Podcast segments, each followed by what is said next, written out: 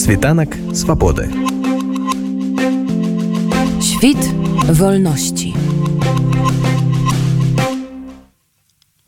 У суботу раптоўна памёр міністр замежных спраў беларусі владимир макей. Яму было 64 гады. Афіцыйна прычыну смерти до гэтага часу не паведамілі неафіцыйная версія інфаркт. Памёр міністр напярэдадні свайго візіта у польшу на саміт абсе у россии ў гэты час пачала пашырацца інфармацыя пра знішчэнне лукашэнкі які перашкаджае уступленні беларусі ў вайну.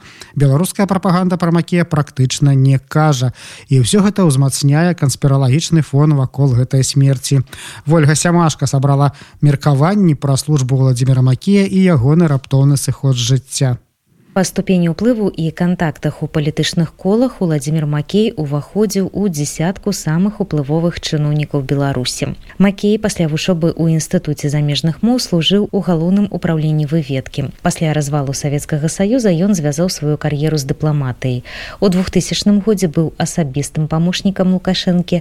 З 2008 кіраваў яго адміністрацыяй, а ў 2012 быў прызначаны міністрам замежных спраў. Па сутнасці ён усё сваё жыццё пра працаваў у сістэме лукашэнкі з'яўляецца адным з яе архітэктараў і не здрадзіў ёй у 2020 годзе калі многія выказвалі надзею што макей падтрымае пратэсты выступіць супраць лукашэнкі на выбарах больш затое пасля прэзідэнцкіх выбараў ён пачаў зачыстку знешнепалітычнага ведомства ад нязгодных з лініяй партыі многія дыпламаты сыходзілі самі некаторыя вымушаны былі сысці пад ціскам міністэрства замежных спраў пакінуў і старэйшы старэйшы сын макея Владимира Макея да таго ж называюць адным з асноўных праваднікоў заходняга вектара беларускай знешняй палітыкі. Да два -го года яму удавалася забяспечыць інтарэсы лукашэнкі на захадзе. У тым ліку пераканаць еўрапейскі і амерыканскі эстэблішмент у тым, што Лукашенко з'яўляецца гарантам незалежнасці Беларусі і што пакуль ёсць Лукашенко Пуін не зможа паглынуць нашу краіну. Пікам дыпламатычных поспехаў Макея стала арганізацыя ў 2015 годзе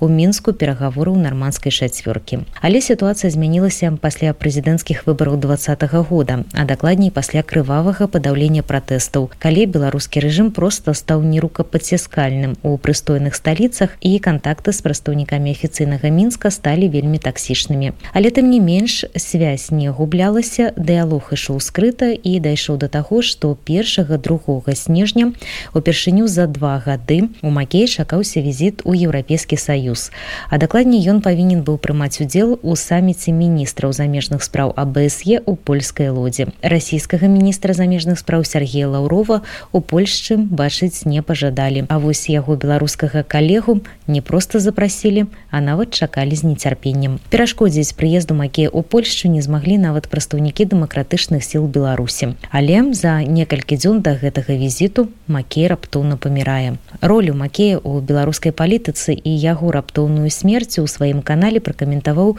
кіраўнік народнага антыкрызіснага ўправлення а да гэтага дыпламат са шматгадовым стажам павел латушка Да, действительно, я знаком с э, Владимиром Макеем, был, начиная с его работы первым помощником Лукашенко, в последующем главой администрации диктатора и потом министром иностранных дел. Странные совпадения. Я вспоминаю, что в системе Министерства иностранных дел э, три министра были отправлены в отставку диктатором Лукашенко в ходе их участия в саммитах министров иностранных дел ОБСЕ. Владимир Маккей должен был приехать в Польшу для участия в саммите министров иностранных дел ОБСЕ, но не дождался своего участия буквально три дня. Странное совпадение. Но я не хотел здесь строить каких-то конспирологических э, историй. Практически на протяжении 10 лет Маккей являлся первым помощником Лукашенко. Это, в народе говорят, просто денщик. Человек, который 24 часа в сутки, 7 дней в неделю имеет доступ к телу. Он получает прямые указания, он может зайти в его кабинет практически в любое время, выезжает в резиденцию с докладами, получает часто поручения личного характера. Макей знал слишком много. Я осмелюсь это утверждать. Он знал больше, чем любой государственный чиновник нашей страны, потому что он работал личным помощником Лукашенко. Главой администрации он также вошел в историю. Вошел в историю тем, что отвечал за подавление протестов в 2010 году. Помните площадь и ужасный разгон а, возле дома правительства? Арест, задержание, избиение и заключение целого ряда кандидатов в президенты Беларуси. В последующем он опустился по служебной лестнице до уровня министра иностранных дел. И в этот период, э, наверное, фортуна ему улыбнулась, ведь фактически ту ужасную оккупацию Крыма Российской Федерации Лукашенко смог использовать в своих интересах. А помог ему в этом прежде всего Макей, который смог продать историю Минских соглашений, который смог продать историю, что Лукашенко якобы является гарантом независимости Беларуси. А проводником этого нарратива являлся Владимир Макей.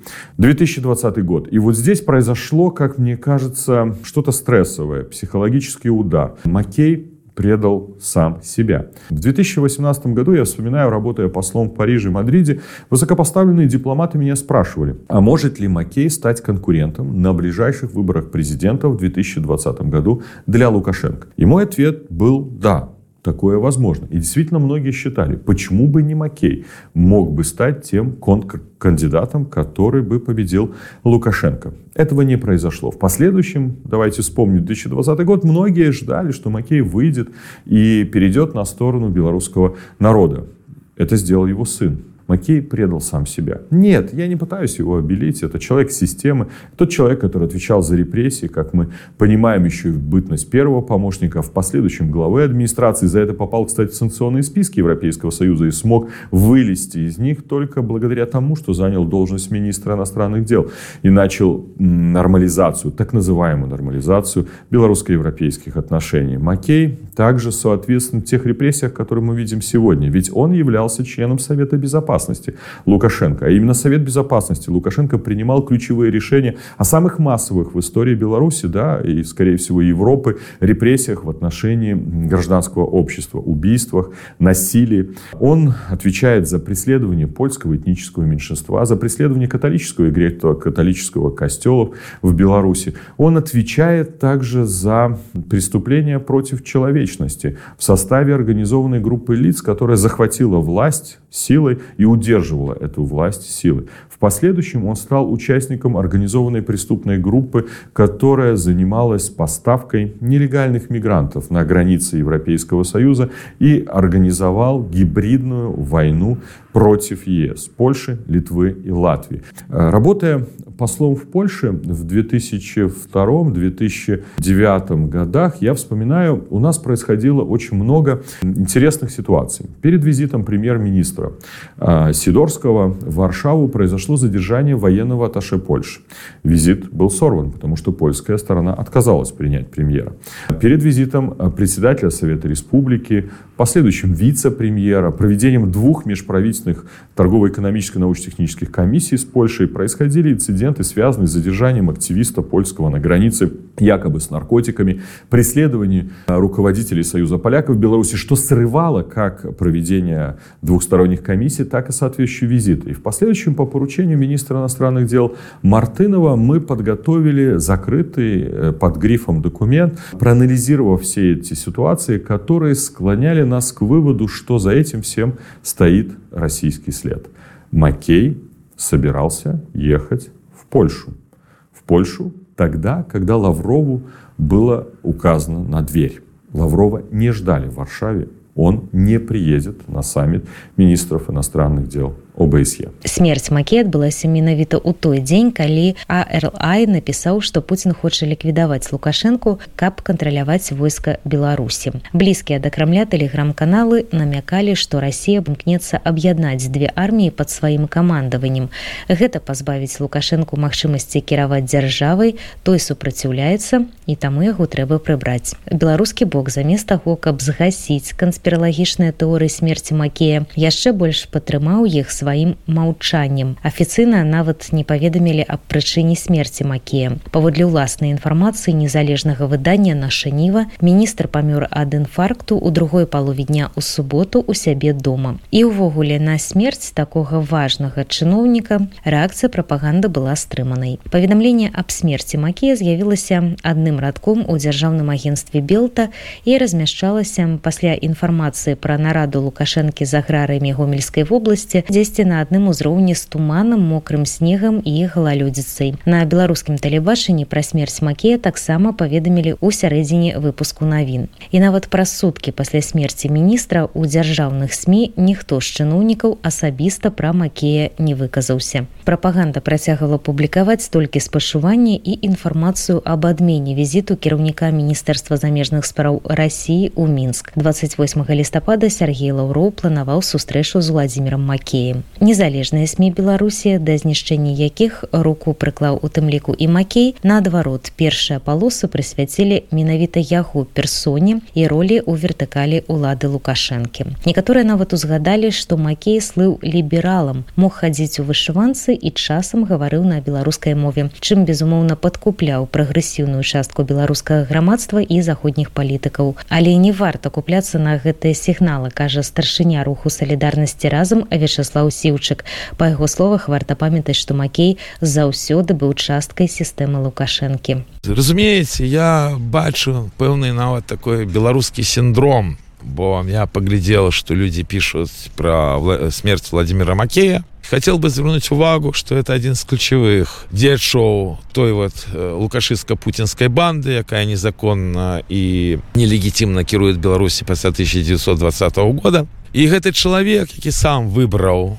свой шлях і он пошел в советские спецслужбы і он там працаваў вельмі доўгі перыяд в гру дослужился до высоких званняў то есть он практычна адразу был прафесійным террористом забойцам э, я не ведаю потому что звычайно таких людей закрытые биографии э, за что ему дали полковника чем он конкретно займался там курировал в розных краінах пэўныя рэчы ці займаўся там іншымі. Бо его предназначение было просто это баранять вот эту империю зла.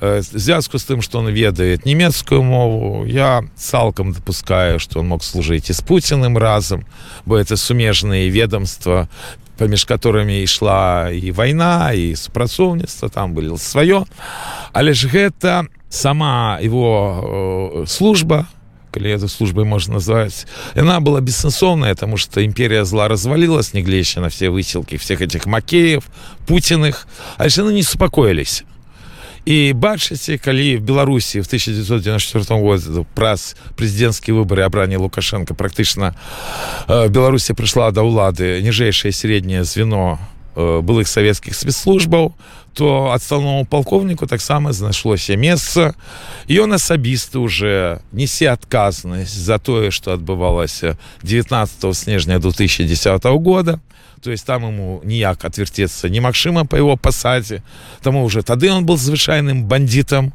а пасля двадцатого года он стал не только звычайным бандитом а еще звычайным террористом потому что менавіта ён агучвал все этой так званые ультиматумы захада по знішэнню грамадзянской супольнасцю не засмучвае іншае что рабство проникло до такой ступени что мало того что при жыцці калі он займал нейкія пасады я бачыл як его грубо говоря облизывают незразумела за что Так теперь пасля его смерти пачынаецца нейкае псевдомаральство что дескать смерть ну нельга кепская писать. А что можно доброе сказать про человека который все свое жыццё был в системах которые знішалі беларускі народ? Пахаваюць владимира макея 29 лістапада на ўсходніх могілках сталіцы з усімі дзяржаўнымі атрыбутамі якія па пратаколе паложаны чыноўніку такога ранга. Світанак свабоды Świt wolności.